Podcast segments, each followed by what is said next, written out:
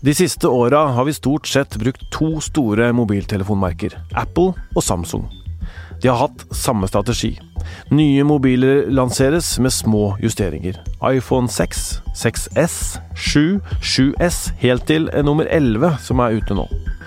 Selv om de sitter på teknologi som kunne gjort større og raskere forbedringer, så har de denne felles taktikken. Apple og Samsung tjener gode penger på små forbedringer og endringer. Men så kom Huawei. Jeg heter Tor Erling Tømt Ruud, og dette er Verdens gang.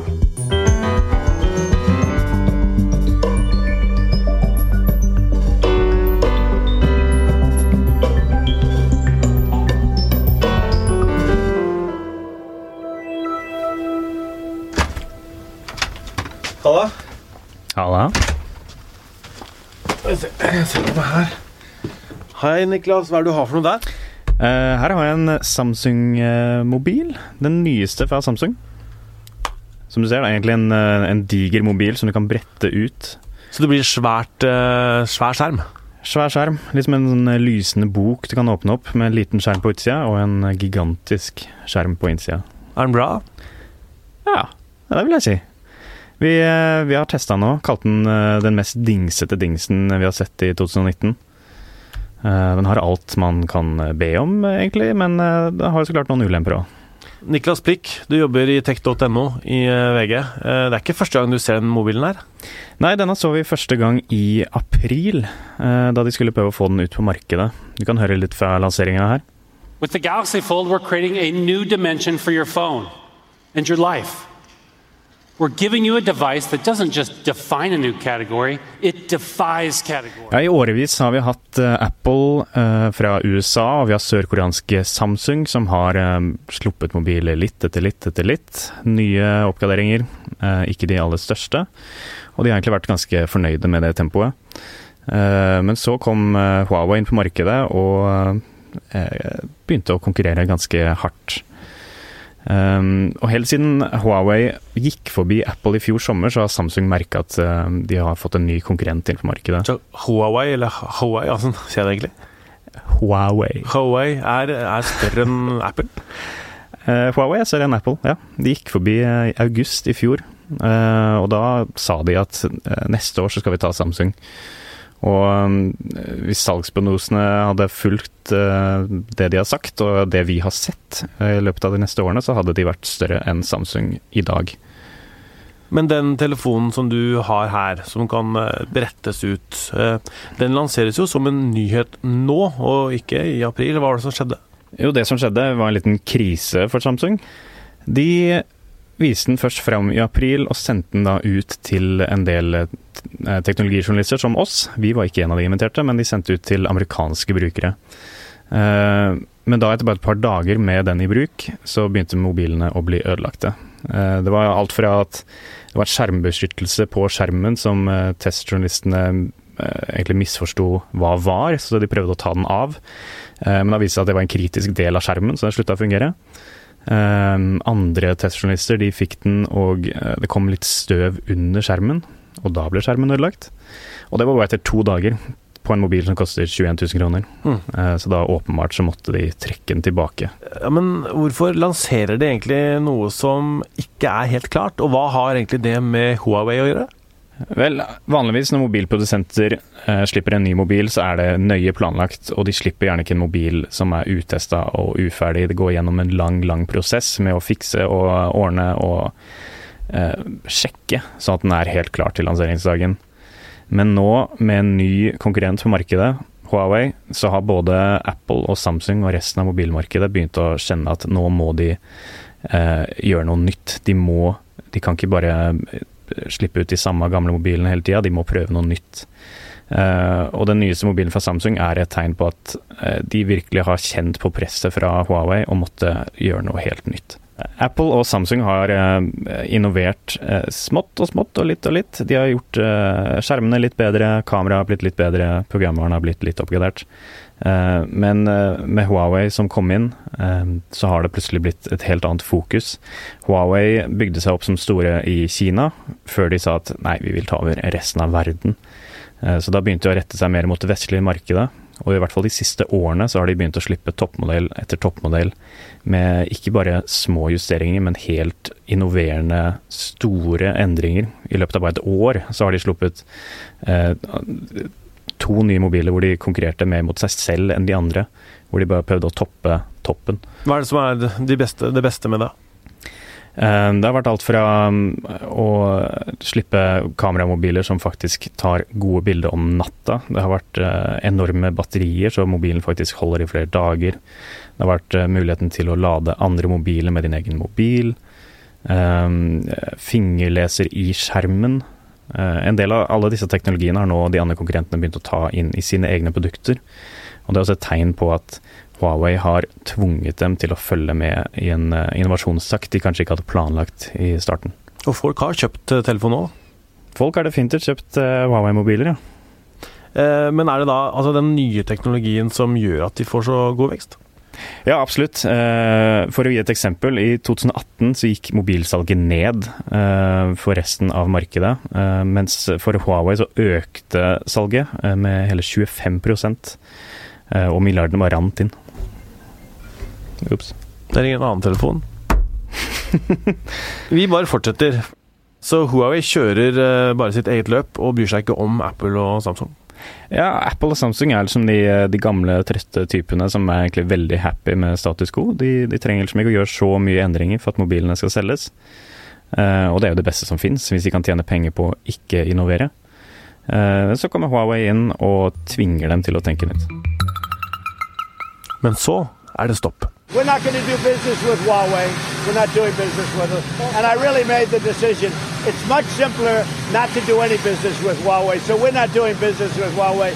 Ja, det smalt med Huawei og Trump. Trump la ned et forbud mot at amerikanske selskaper kunne samarbeide med det kinesiske mobilselskapet. Hvorfor gjorde han det? Ja, det skjedde i mai i år at uh, de satte ned altså et forbud mot amerikanske selskaper å selge produktene eller tjenestene sine til uh, Huawei. Og årsaken er at uh, amerikansk etterretning har hevda i lang tid at Huawei er en sikkerhetstrussel, og nå gjorde da altså USA endelig alvor av, av det. De har aldri klart å bevise at Huawei bygger inn bakdører i utstyret sitt, men, men de sier likevel at det er der. Og da den kombinasjonen av sikkerhetsspørsmålet og eh, den bryggende handelskrigen mellom USA og Kina eh, gjorde at eh, Trump-administrasjonen altså satte Huawei på en såkalt entity list. Hva er det for noe? Eh, en entity list, eh, i praksis betyr det bare at de selskapene på den listen ikke får lov å handle med amerikanske selskaper. Og for, for, Huawei så betyr jo det bl.a. en del eh, viktige komponenter i mobilene, og ikke minst amerikanske Google og deres operativsystem Android. Men er Huawei en sikkerhetstrussel? Det er vanskelig å si. Eh, det er nesten umulig å garantere om de er trygge eller ikke. Eh, det hele grunnet i tillit, nesten. Eh, kan man stole på Huawei? Kan man stole på Huawei mer eller mindre enn f.eks. Nokia eller Samsung eller Apple? Hvem vet? Selv sikkerhetseksperter i Norge har sagt at det ikke nødvendigvis er sikkert at Huawei er sikkert. Mye fordi vi ikke har et sikkerhetspolitisk samarbeid med Kina. Men Huawei mener i hvert fall at de er sikre. Ja, Trump har vingla litt i uttalelsene sine om Huawei. I noen tilfeller har han sagt at det er en sikkerhetstrussel, og at det er derfor amerikanske selskaper ikke lenger får samarbeide med Huawei. Mens andre ganger så har han sagt at eh, Huawei er en del av handelsforhandlingene. Eh, så det kan virke som at han bruker, eh, bruker litt sånn som han vil. Da. Altså, I det ene sekundet så er det en sikkerhetstussel, i det andre sekundet så er det en brikke i et, et stort handelsspørsmål. Og Huawei har jo blitt beskyldt for å få støtte fra den kinesiske stat òg, men det har de jo nekta for. Det har de nekta for. Koblingen er at uh, Huawei, Huaweis grunnlegger um, uh, var kobla til kinesiske militære. og mange sier da at, at det fortsatt er en kobling mellom han og de kinesiske myndighetene. Men det har både han og resten av selskapet nekta for i alle år, og de sier at de er et privat selskap, og de har ingen kobling til kinesiske myndigheter. ja, hva syns Samsung og Apple om dette her? Jeg vil tro de er veldig fornøyde med dette her. De kan lene seg tilbake, slappe av og de, det er jo ikke noe vits for dem å innovere og gjøre noe ville nye endringer når de kan eh, selge kjempefine mobiler, men med små justeringer, i stedet for å gjøre noe helt nytt og vilt. Fordi da er Huawei ute av uh, spillet? Ja, de har mista den største konkurrenten sin. Uh, og når de kun konkurrerer med hverandre, mellom IOS-brukere og Android-brukere, så, så, kan de slappe mye mer av. De har mista den største bølla på en måte på markedet. Men kan vi, kan vi spekulere i om at uh, Apple har fått uh, amerikanske myndigheter til å stoppe dette? Det hadde vært å dra det litt langt. Men så har de altså blitt fryst ut da, fra å samarbeide med amerikanske selskaper. Eh, hvordan går det med Huawei nå, da?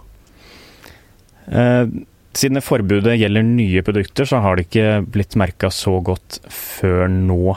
Eh, den høsten her så slapp de et helt nytt produkt, eh, Mate 30 Pro. Som vanligvis hadde vært store nyheter her i Norge, og hadde vært en ny mobil de kunne skryte av.